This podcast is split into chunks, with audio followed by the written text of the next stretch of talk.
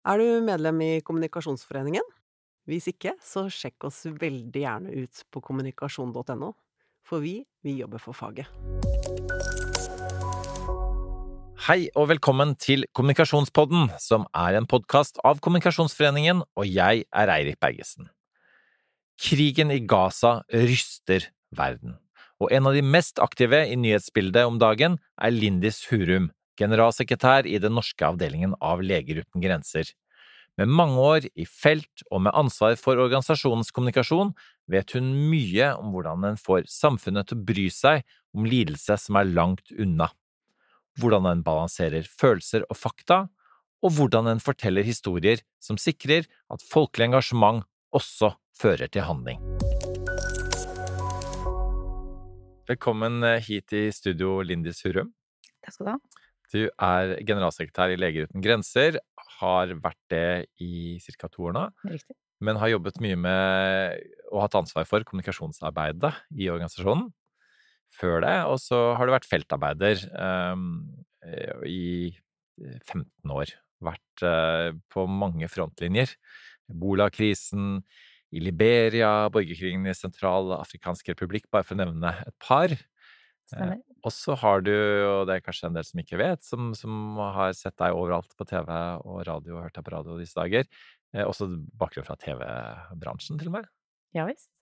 Jeg var TV-produsent for nordisk film eh, i mitt tidligere liv, som jeg pleier å si, fram til jeg ombestemte meg da, for 17 år siden og fant ut at man ikke trengte å være lege for å reise ut med Leger uten grenser. Men før det så jobbet jeg med programmer som Vil du bli millionær, Amandaprisen, Gullruten og den type glitter og stas.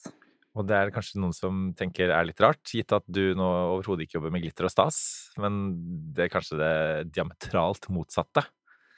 Virkelig, det er det også. Men eh, folk er folk, så det å være TV-produsent er å eh, lede en gruppe mennesker mot eh, et felles mål. Så selv om det felles målet er vesentlig annerledes i en ebolaepidemi eller i en krig, så er det allikevel mennesker man leder. Så den prosjektledelseserfaringen jeg hadde, viste seg å være eh, nyttig. Eh, god skole, det. Eh, så det er en oppfordring til alle som hører på. Jeg pleier å si hvem som helst kan bli, jobbe i Leger grenser når jeg kunne det, for jeg pleide å lage Vil du bli millionær. Eh, men spøk til side, det er også det, det, at jeg da har vokst inn i en talspersonrolle, og også da vært kommunikasjonssjef i en kortere periode tidligere, er også Det var det veldig nyttig å ha, ha den kommunikasjonsbakgrunnen fra TV-miljøet, TV da. Ja, og det, det var jo litt av noen produksjoner du var med å lage, så du, du kan jo en del om måte, å nå ut til folk, da. Ehm, eh, og, og, engasjere eh, folk. Og det er jo kanskje det er jo åpenbart litt andre typer følelser som er i spill nå, men, men dette er jo noe som, som, berører folk veldig følelsesmessig, det som nå skjer, og som, eh, som sånne som dere, da, eh, skal prøve å utrette noe faglig, og prøve rett og slett å, å få kontroll på situasjonen og forbedre etter hvert eh, de grusomhetene vi alle ser. Men kan ikke vi bare begynne litt med, med hvordan eh, vil du og Leger uten grenser beskrive eh, situasjonen i, i, Gaza nå i dag? Det spørsmålet har jeg fått eh, nesten daglig de siste ukene, eh, og flere ganger om dagen av forskjellige medier, mm. og jeg kjenner at jeg begynner å gå litt tom for adjektiv. Det er liksom Fifty Shades of Horrible. Eh, hvor mange ord kan man bruke for å forklare det som skjer? Eh, men det er eh, Ja, som du sier, jeg har jobba 17 år i Leger uten grenser, 15 av dem ute i kriser sjøl. Jeg har ikke jobba i Gaza, men jeg har jobba i andre krigs- og konfliktsituasjoner.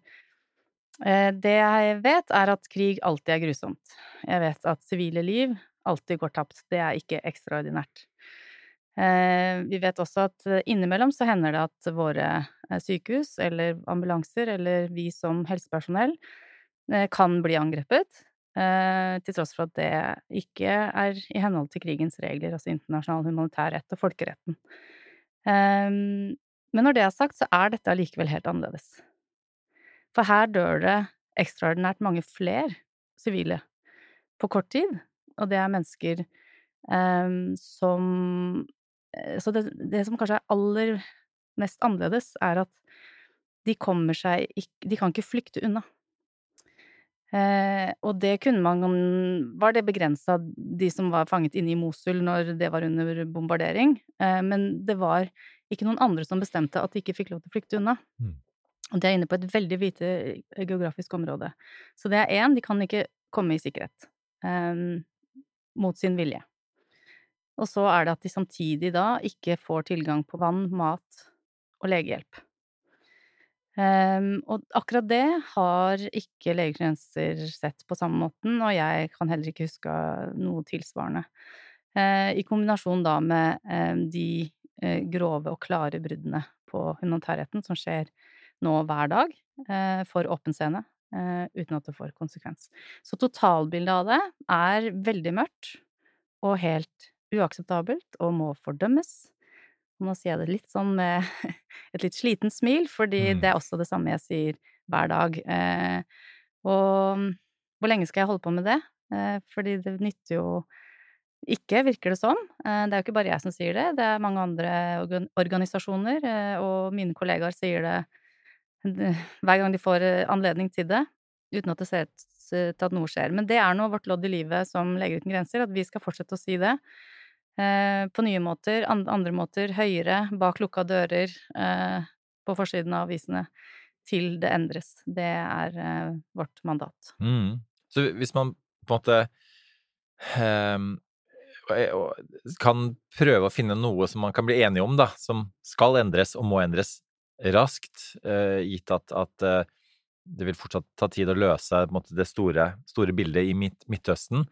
Er det riktig å si at måte, det er altså, si, eh, altså, de menneskelige lidelsene da, som, som, skjer, som du sier, på et geografisk område eh, med, med, noen proporsjoner som, som, jeg tror på en måte forskrekker mange, og så er det ulike løsninger på, på man skal, hvordan man skal gjøre det, men at, at, at målet nå er å på en måte få en stopp på det at så mange mennesker dør eh, på så kort tid.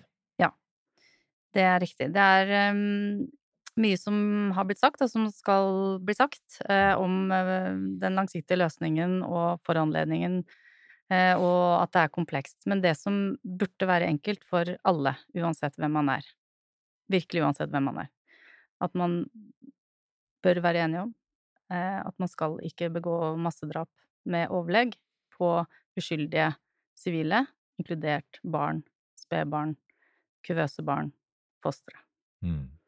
Og det er akkurat det som skjer nå, og vi vet det, alle sammen.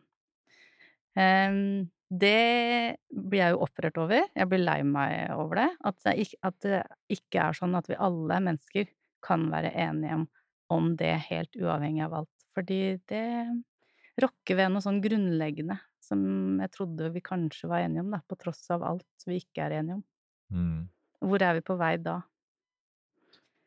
Men, men det, dette er jo, som du sier, at, at folk har uh, ulike løsninger på, på, hva man skal gjøre. Folk har kanskje ulike de, Ikke bare kanskje, de har ulike versjoner av hva som har skjedd fram til dette. Uh, men så er det de humanitære organisasjonenes uh, jobb blant annet å ikke ta stilling til politikken i det, men, men bare måte få, få, gjort noe med lidelsene. Mm. Um, og så, så, er det som du sier, at uh, dere jobber for å finne ut hva, vi, hva vi faktisk kan bli enige om uh, her.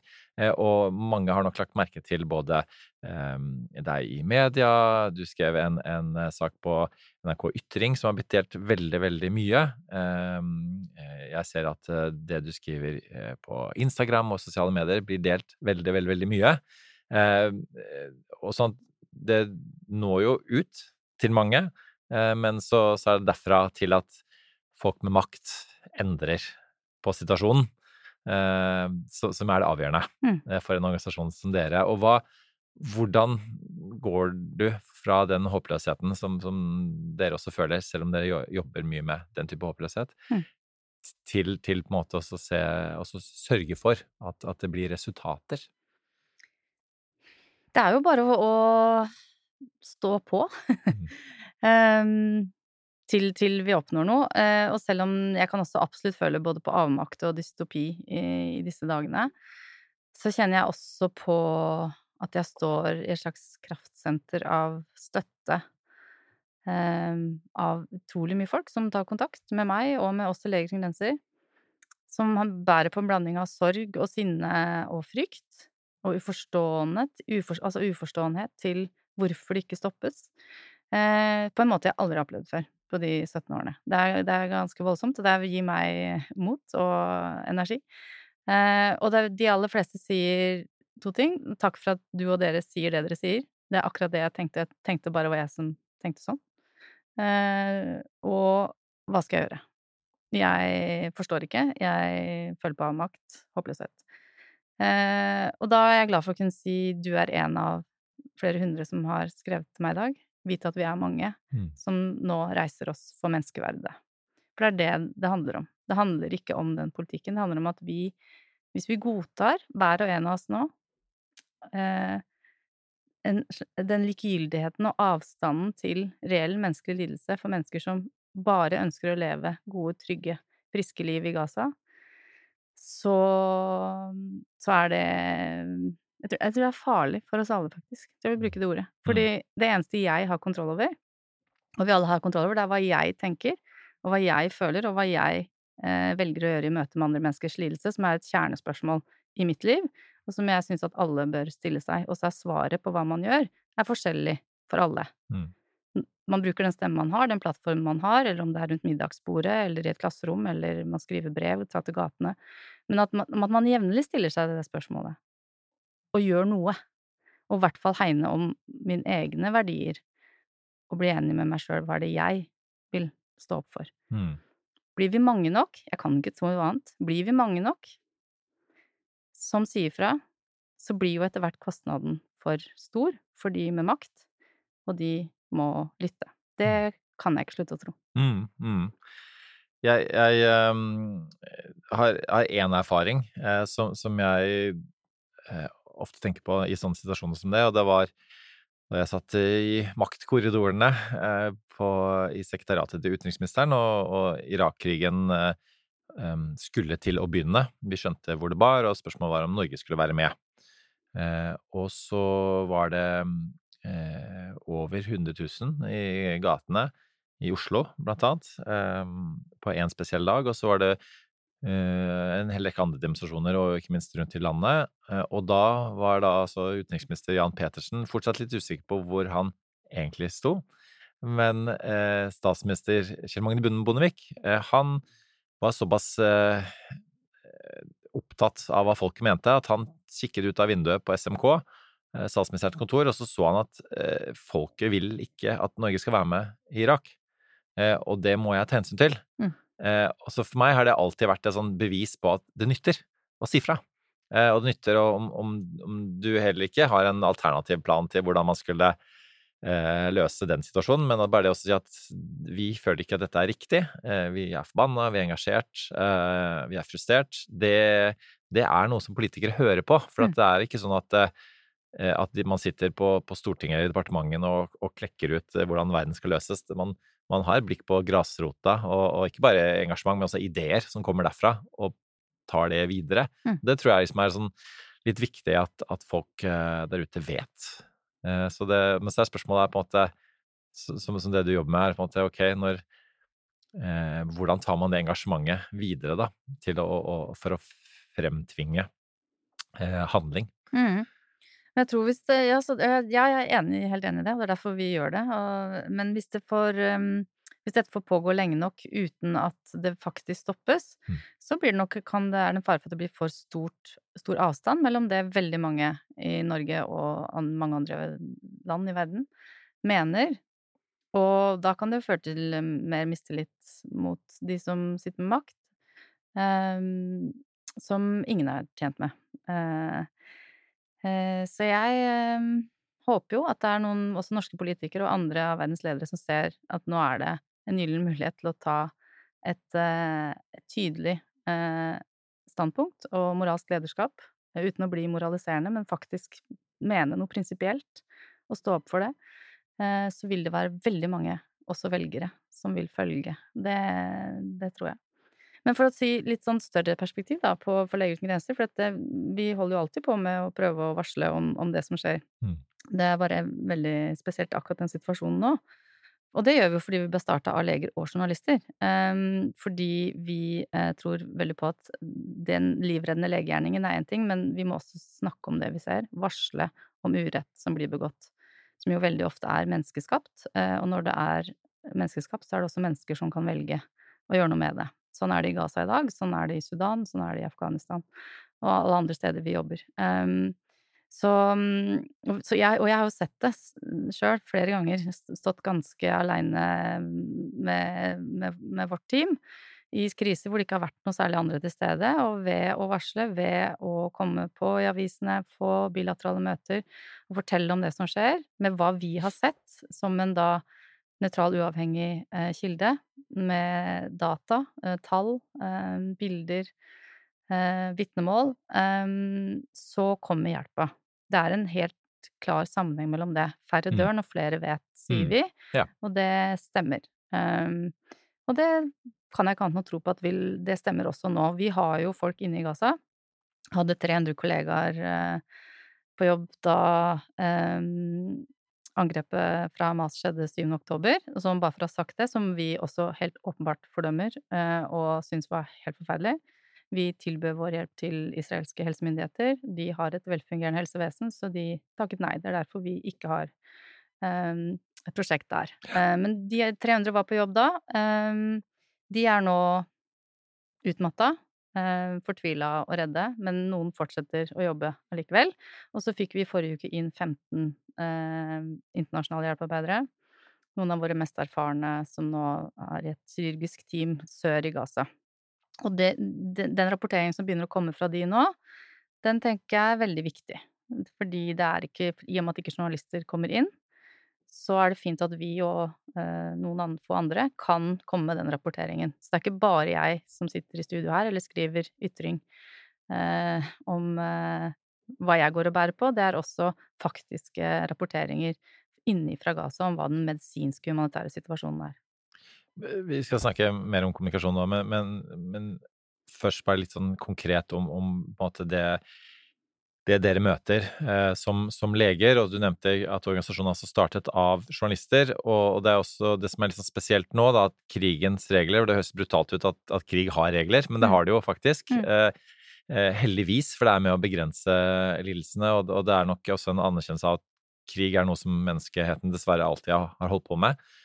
Eh, men, men, at nå brytes krigens regler på en måte som gjør at så kan man definere eh, folkerett og folkemord og, og det hele tatt, eh, krigsforbrytelser, men hvis vi bare ser på at veldig mange mennesker har dødd på veldig kort tid, så, og om i større grad enn før, så det, rammer det også leger og journalister.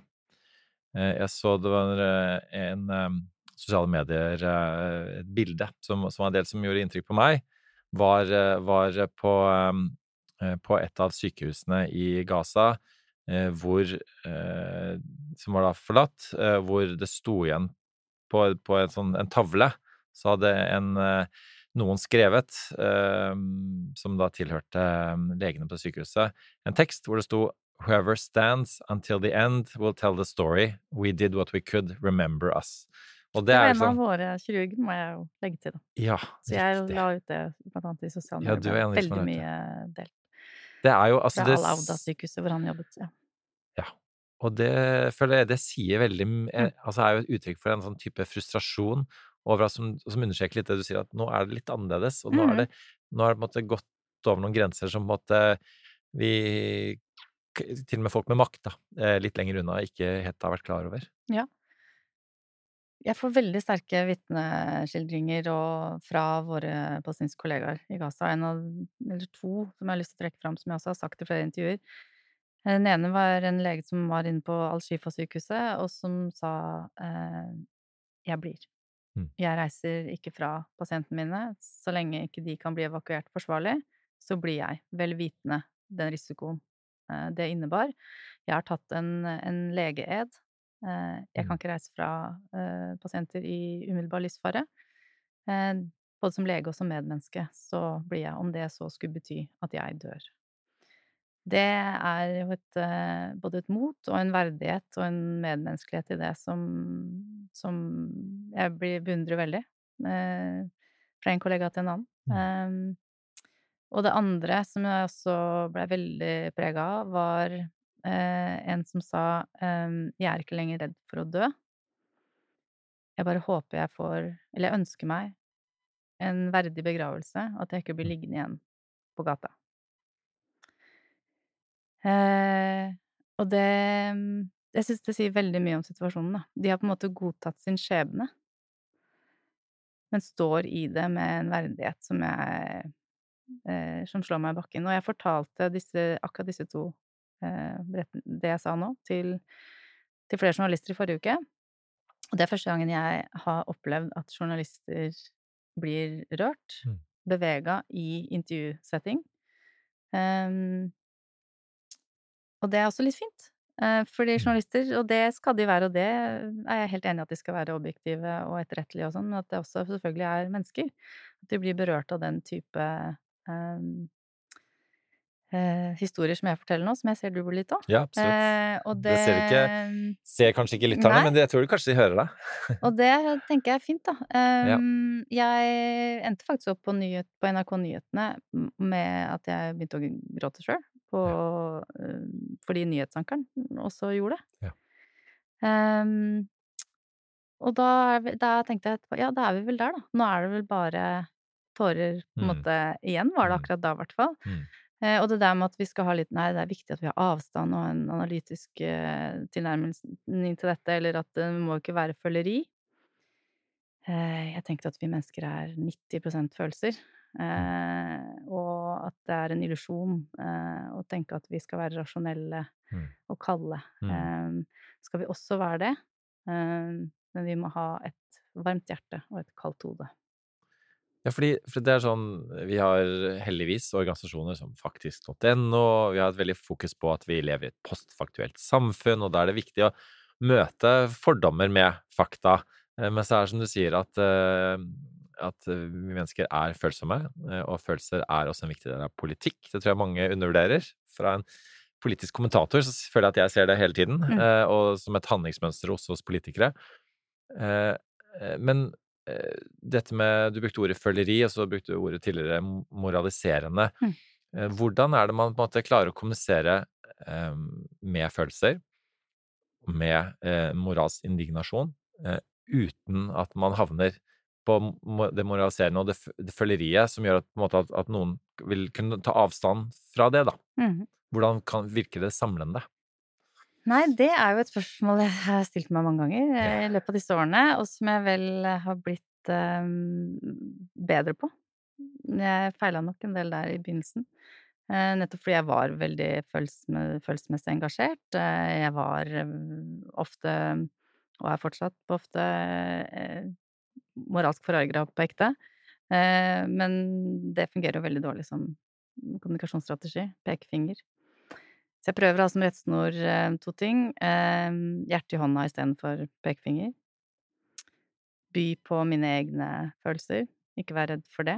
Eh, og jeg ønsker å Jeg er jo ganske sint, selv om det ikke ser sånn ut, på verdens tilstand. Mm. Blir sånn fysisk, får fysisk reaksjon på urett. Jeg har fått siden jeg var lita jente, egentlig. Ja. Eh, og jeg vil jo at andre skal få tak i det sinnet, for det er så mye bedre enn avmakt, dårlig samvittighet eh, og, de følelsene. Eh, for det er ganske mye energi i det. Men for å bli sint eller opprørt, da, så må du først bli berørt. Så jeg ønsker å berøre for å opprøre, har jeg Mm. funnet ut av. Mm. Eh, og for å berøre så er du nødt til å fortelle historier. Eh, fortelle sånn at du, du greier å se at den faren eller den bestemoren i Gaza, det kunne vært deg eller din bestemor. Eller i Sudan eller i Haiti. Eh, og hvis vi bare snakker statistikk eller politikk eller bruker eh, kalde ord og uttrykk, eh, vage formuleringer, så, så blir, blir vi ikke lytteren, seeren, leseren berørt.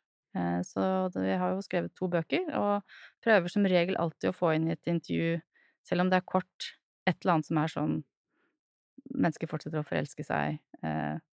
De i Sentralafrikansk republikk er også glad i landet sitt. Altså noen sånne små Ja. ting som gjør at dette er mennesker, da, akkurat som deg og meg. For ellers så blir vi ikke berørt, og da blir du ikke opprørt, og da har du ikke så lyst til å gjøre noe med situasjonen. Og det er jo et av problemene som, som norsk media har helt konkret, er jo at man ikke kommer inn i Gaza. Så de intervjuene man gjør med pårørende i Israel, hvor du får høre navn, du får se bilder eh, av ofre, det kan man ikke gjøre på samme måte i Gaza. Og det er jo et problem som jeg vet at, at, at media um, eh, syns er kjempevanskelig. Um, eh, men da, så vet jeg altså at det er noe av det man prøver å gjøre, da. Mm. At, at det bare gir et ansikt og et navn på Du, du har ulike nettsteder som, som har det som en, eneste oppgave. Ja. Uh, og Al Jazeera står bak en av de, uh, Know Thy Name, uh, som jo, som jo handler, handler, om akkurat det. For det, det, er som du sier, at det, de historiene må frem. Fordi eh, tallene i seg selv er, er, er kanskje Det er noe man kan relativisere vekk. Ja. Ja, på et eller annet tidspunkt blir det jo dehumaniserende, det i seg selv. Mm. At man har også sett altså Kan vi stole på de tallene? Er det 8000, eller er det 6500? Altså, det blir jo det er jo en av hovedgrunnene til at vi ikke vet hvor mange som faktisk er drept, er fordi folk holder på å prøve å overleve selv, eh, og ikke telle Er så opptatt av å telle de som er døde. De rekker jo ikke engang å sørge over de. Så, eh, så det er liksom Det er eh, sånn sidespor som jeg tror ikke vi skal gå så langt inn på. Det er ingen tvil om at det er altfor mange som er drept. Men hvis vi bare tar bare, lite tak i det med desinformasjon, det gjelder Ja. jo alle kriger, Mm. og, og, det, og det gjelder jo uh, etter all sannsynlighet begge parter også, i dessverre litt for stor grad. Um, hvordan er det dere eh, opererer innenfor Altså hvis det blir sånn, og det er vel en av problemene med postsannhet, er jo at eh, folk blir sånn Nei, nå er det så mange versjoner av sannheten der ute at jeg bare holder meg til til den personen jeg trodde på i utgangspunktet, og så tror jeg på alt den personen sier. Eh, og, og jeg driver ikke noe selvstendig undersøkelse rundt det. Mm, mm. Um, så hvordan opererer dere inn, innenfor det? Dere som jo tross alt det, Jeg har knytta veldig stor troverdighet til det dere sier, Mm. og deres tall. Så hvordan, uh, gitt at det er så mye usikkerhet rundt alt annet, hvordan uh, fastholder dere det det? er et uh, godt spørsmål, og det må vi passe veldig på. Um, fordi vi har et troverdig stemme um, som vi har bygd opp over de 52 årene vi har eksistert. Men um, den kan jo fort rives ned hvis vi trår feil, viderebringer nyheter eller fakta som viser seg å ikke stemme etterpå.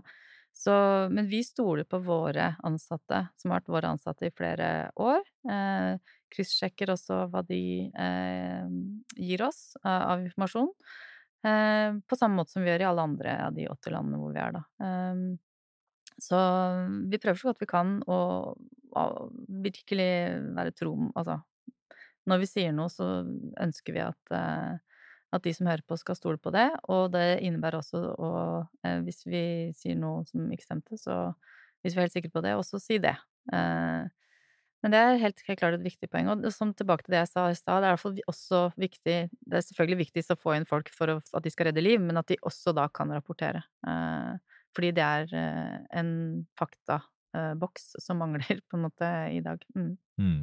Og, men når dere da, og det syns jeg jo man har klart å etablere en type offentlighet i Norge som, som, er, um, som er berørt, og så er det noen som roper høyere enn andre, så tror jeg man, man alle eh, på en måte eh, har på ulike måter klart å leve seg inn i situasjonen. Eh, men så, og på mange måter har humanitære organisasjoner også lykkes, bidratt til å lykkes med det. Men derfra eh, til at, at, man får til konkret handling, der risikerer man at man får avmakt. Der risikerer man at, at man Uh, at, at, folk tenker at ja, det nytter ikke mm. allikevel, og, og det blir, at, du får en, at det blir enda verre. Uh, mm. At folk uh, nesten tenker at det her her kan jeg på en måte ikke um, vi, vi, kommer jo ingen sted. Mm. Og, og, enten man jobber med klima eller andre ting som kanskje til og med det kan ligge litt lenger fram i tid, er jo det sånn en klassisk felle å Mm. gå i. Mm. At man tenker at det Eh, dette nytter ikke uansett. Mm. Hvordan er dere på en måte klarer å holde oppe engasjementet? Du snakker om det å stadig lete etter adjektiver som, Mm. som er, er, med å vedlikeholde engasjementet. Hvordan Mm. får man seg til en sånn situasjon? Altså trøttheten, eller Ja, liksom at man. Ja.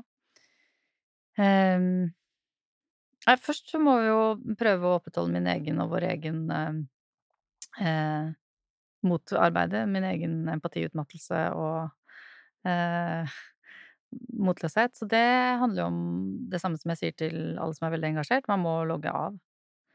Eh, så det, er jo veldig mange som aktivt må logge på for å, for å engasjere seg og lese opp og lære om det som skjer, eller bli berørt. Eh, vi Leger uten grenser og andre som er veldig eh, veldig engasjert i det som skjer nå, de, vi må jo aktivt logge av, og det er veldig vanskelig. Men hvis vi ikke gjør det, så kan vi jo bli til veggen, vi kan bli dystopiske på ekte og gjøre slutte å snakke, og det er jo ingen tjent med. Så det er en det Etter å ha holdt på med det i så mange år, da, så vet jeg at det er viktig. Og det er sånn, da må noen ta telefonen, eller jeg må gå et sted hvor det ikke fins internettdekning. Jeg må se eh, hele Love is blind eh, en søndag. Altså gjøre sånne ting, da. Ja. Eh, og det må, det må befolkningen nå gjøre. For det, ellers så holder vi det ikke ut. Ingen som gjør det. Og så er det sånn, ja, men de i Gaza, de kan ikke logge av. Nei, det vet jeg, men de trenger oss. At vi skal stå i dette lenge. Også de i Sudan og de de andre stedene. Så vi, vi må også logge av og ta vare på hverandre og sjøl og vår egen mentale helse.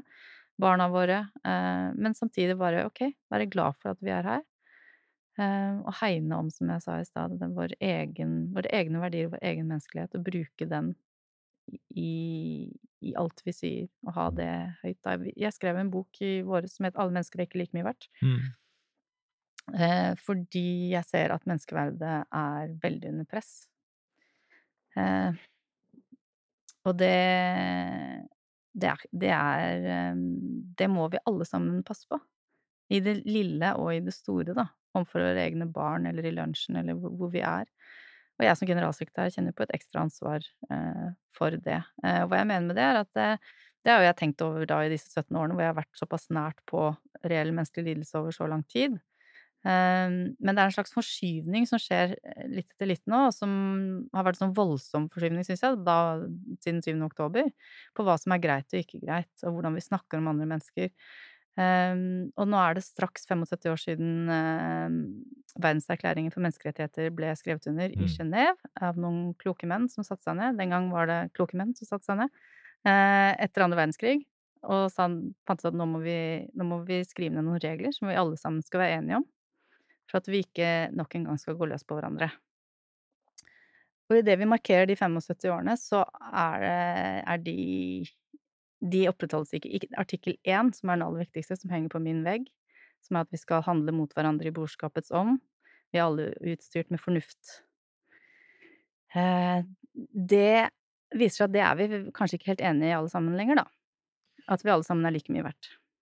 Og, det, det er sånn, I en situasjon som dette her, så blir det ofte sagt at eh, dette er så komplekst, uh, du, må, du må tilbake 50 år, 100 år, 2000 år for å forstå hva som egentlig skjer. Eh, og eh, altså, folk som jobber med kommunikasjon, har jo som jobb å forenkle Mhm. sånne ting.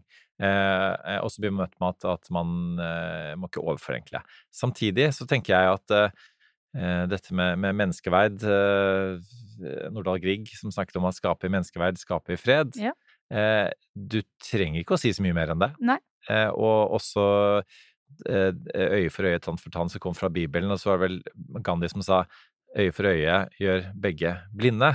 Mhm. Eh, og, og det eh, og, og det, Man trenger ikke så mye mer om det heller, for å på en måte forstå dette med hevn.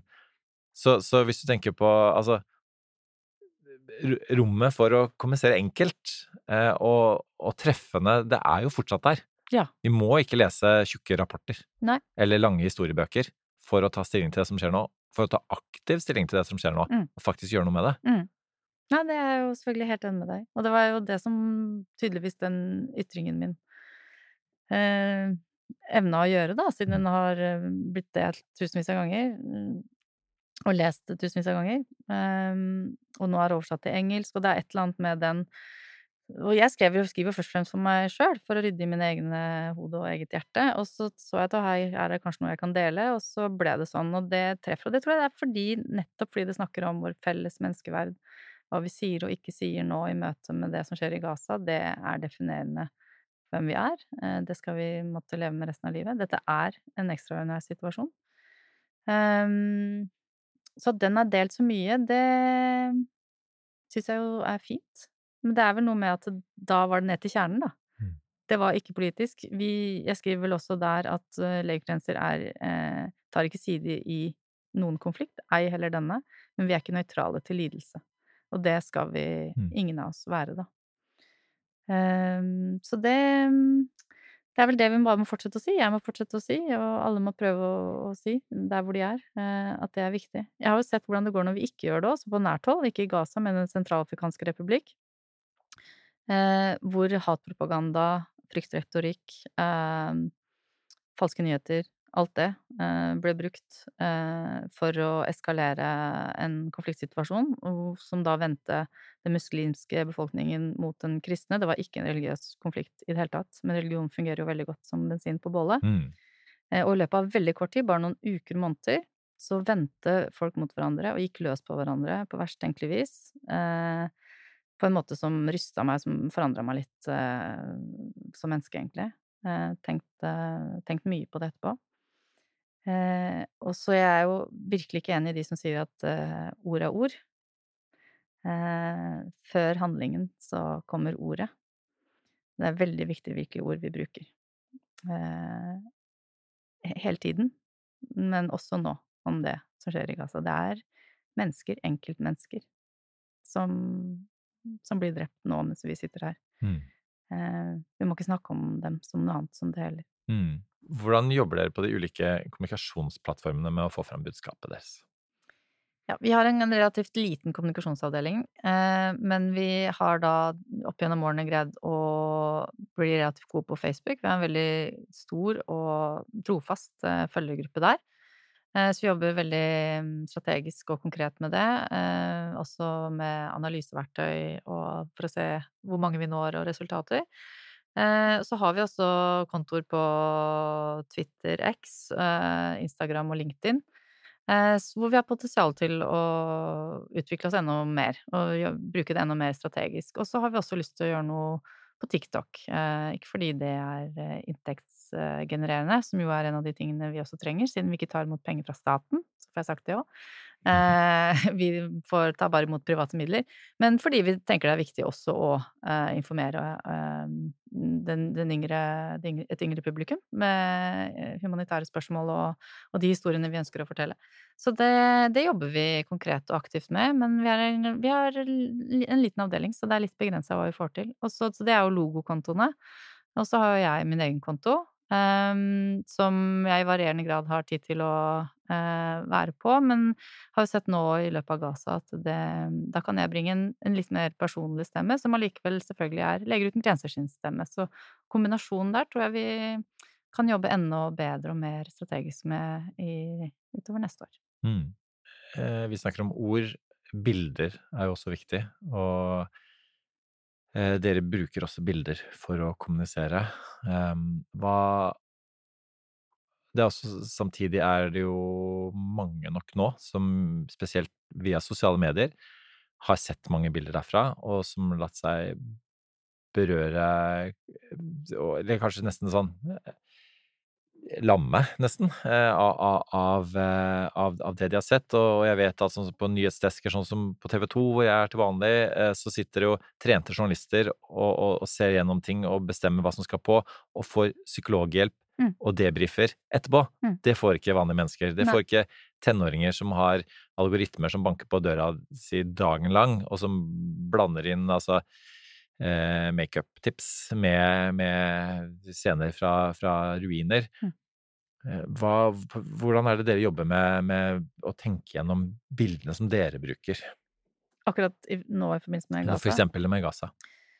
Um, ja, vi bruker ikke så mye bilder, rett og slett. Uh, det er en kombinasjon av at vi ikke har så mange ferske bilder, fordi situasjonen er som den er. Um, og fordi det er ingen som er i tvil om hva som skjer av de grusomste tingene.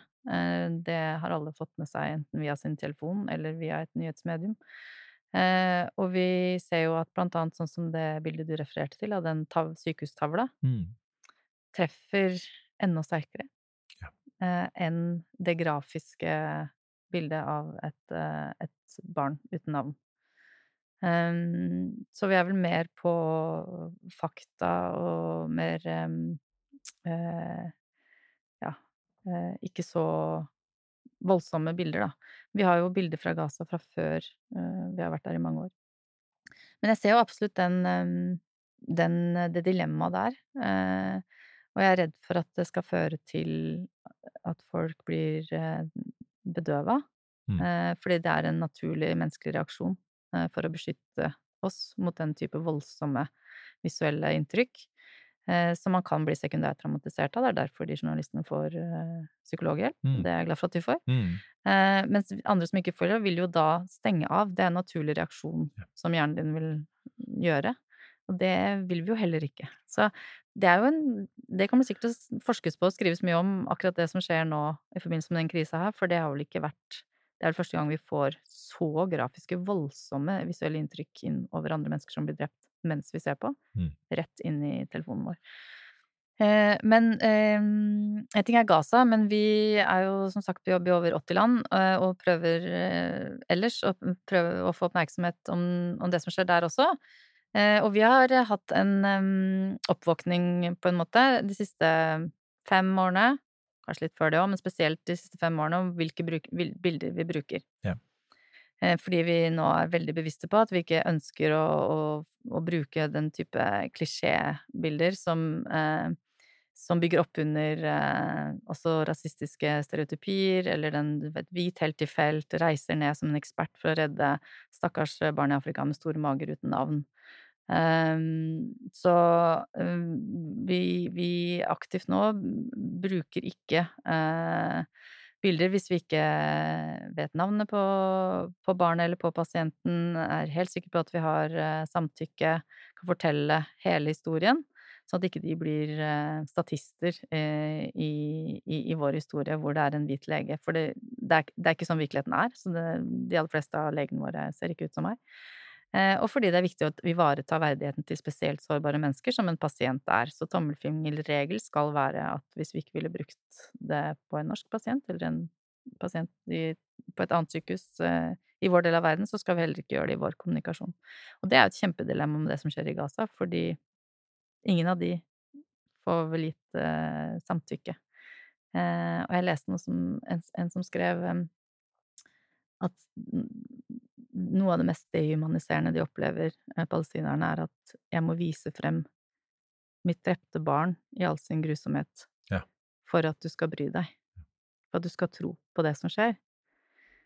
Eh, det det, det satte seg hos meg, i hvert fall. Mm. Men en moderne eh, teknologisk utfordring, som jo også er egnet til å skape diskusjon, er jo at en av løsningene på det kan være AI-genererte bilder.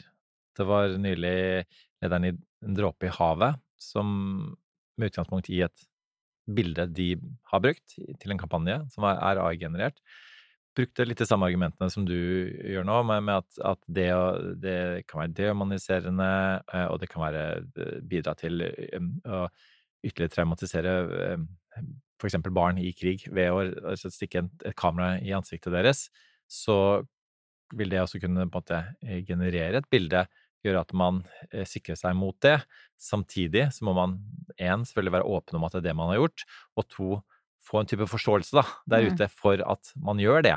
Mm. Um, hva, hva, hva tenker du Mm. rundt det? Det en interessant problemstilling, Um, av de grunner du skisserer, men vi eh, kommer ikke til å, til å gjøre det. Nå skal man være forsiktig med å si aldri og sånn, for man vet Mm. ikke hva framtiden bringer, men Mm. det er veldig i kjernen av hvem vi er, det å bruke ekte, altså dokumentariske bilder, enten tatt av våre egne fotografer eller fotografer som eh, er på Som, som er, er, er å besøke våre prosjekt. Eh, og det handler om den tilliten vi har, og den kontrakten på en måte vi har gjort med både giverne våre og seerne, at det de ser, skal være eh, det som faktisk skjedde. Ja. Sett med våre øyne, og nå ser du det. Eh, og det er, ønsker vi for all del ikke å rokke ved, da. Mm. Men skjønner du at andre Ja, jeg skjønner de, fordi det, det er jo riktig det at det da eksponerer vi ikke eh, ikke-sårbare mennesker på samme måte. Men det er litt sånn slippery slope, fordi Ja, så må man være tydelig på at det er det, men som vi jo vet, så ser det jo helt ekte ut. Eh, så hvordan skal vi være sikre på at eh, at seeren, leseren, faktisk stoler på det, da? mm. er en interessant eh, problemstilling, altså, men det er, per nå så er det noe vi eh, ikke, ikke, ønsker å gjøre overhodet. Mm. Og det er også sånn at veldig mange, det har jeg opplevd eh, sjøl mange ganger, eh, av våre pasienter og de pårørende ønsker å fortelle historiene sine.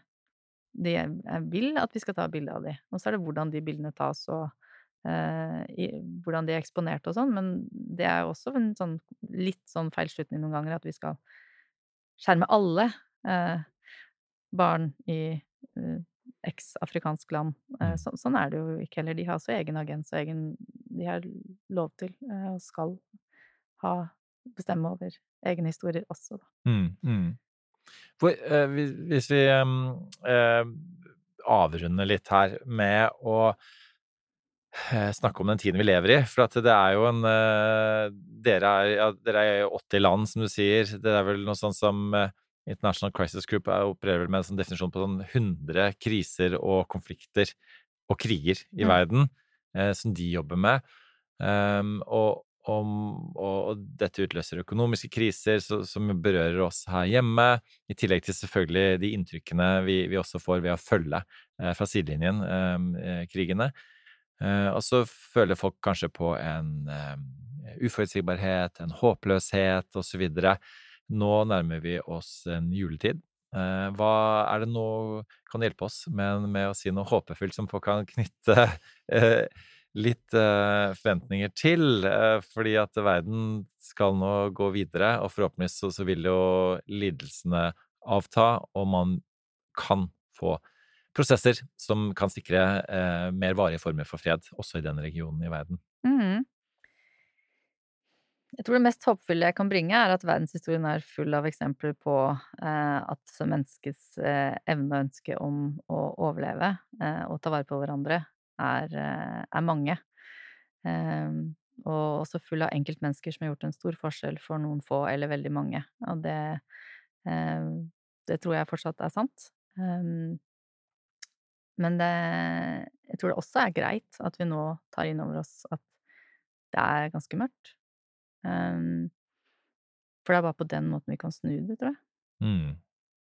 Fordi det, kommer, det er jo noen sånn multikrise eh, Kriser som har vært de siste årene, som er ganske store. Pandemien, Ukraina, nå dette, på toppen av de 80 andre landene vi er i og sånn. Eh, og det å velge å se bort, eller å ikke Altså tenke at ja, det går vel bra. Jeg tror det krever en innsats av oss alle for at det skal gå bra for mange nok. Eh, så håpet er det. Håpet er oss. For uten å bli for teoretisk her, så eh, det siste steget i krisekommunikasjon, når man har anerkjent krisen og, og prøvd å gjøre noe med det, er jo på en måte å eh, vise til e, en, en, måte å unngå at dette skal skje igjen på. Mm. Eh, og også så er som du sier, vi har jo noe, noe planverk her og menneskerettighetserklæringer osv. Eh, men ideen om at, om at man som, du, som dere også sikkert møter der ute, altså hvor du for å få til en fredsløsning, for eksempel, så må to parter som har drept hverandre, eh, mm. og kanskje til med hverandres venner og familie, sette seg ved et bord mm. eh, og, og, bli enige om at det skal man slutte med. Mm. Eh, og, og, det, og, det, er jo eh, ja, noe av det som skjedde for i, i regionen da, da Israel gikk inn i Libanon og og skulle ta PLO i 82, så ti år senere så satt de ved forhandlingsbordet og, og signerte Oslo-avtalen. Mm. Eh, sånn, sånn, at, det er jo en av de positive tingene i, i all, all, negativitet i deler av verden som er mer urolige vår. Mm. At man Det er Noen ganger er det ett skritt fram òg, selv i en tid hvor det har vært to tilbake. Ja, noen ganger så må det kanskje bli enda mye verre før det, før det snur, fordi vi skjønner at mm. nå er det, nå er det på alvor, da. Mm. Eh, så det, det, kan jeg jo håpe på. Jeg er eh, nødhjelpskoordinator og vant til å tenke verste tilfelle. Ja. Så det er kanskje ikke meg det skal komme til for håp. Eh, men, men som sagt, altså, jeg har også opplevd det veldig, veldig sterkt i de krisene jeg har jobba i, at menneskets ønske og, evne til å overleve og verne om sin egen medmenneskelighet er også veldig stor, selv når de har mista alt. Så den, den, fortsetter jeg å tro på. Men altså først så må, så må, det ta slutt, det som skjer nå. Det er, det er, eh, det er første prioritet. Uh, for hvis det får fortsette lenge nok, så, så er det Jeg har jo sagt det, og jeg sier det gjerne igjen. Det er når vår felles menneskelighet faller, så faller vi alle. Og det, det er der vi er nå. Og det krever noe av oss eh, alle sammen. Mm. Det er uh, ord og historier som, eh, som, engasjerer og berører. Så fortsett med det. Uh, og tusen takk for du midt i en veldig uh, vanskelig og hektisk tid tok deg tid til å være med oss, Lindis. Takk for at jeg fikk komme. Takk også til deg som hører på. Mitt navn er Eirik Bergesen. I redaksjonen har jeg med meg Håkon Skaftå og redaktør Margrete Sakko Horde. Vi høres igjen neste gang. Du har hørt en podkast fra Kommunikasjonsforeningen. Les mer om oss på kommunikasjon.no.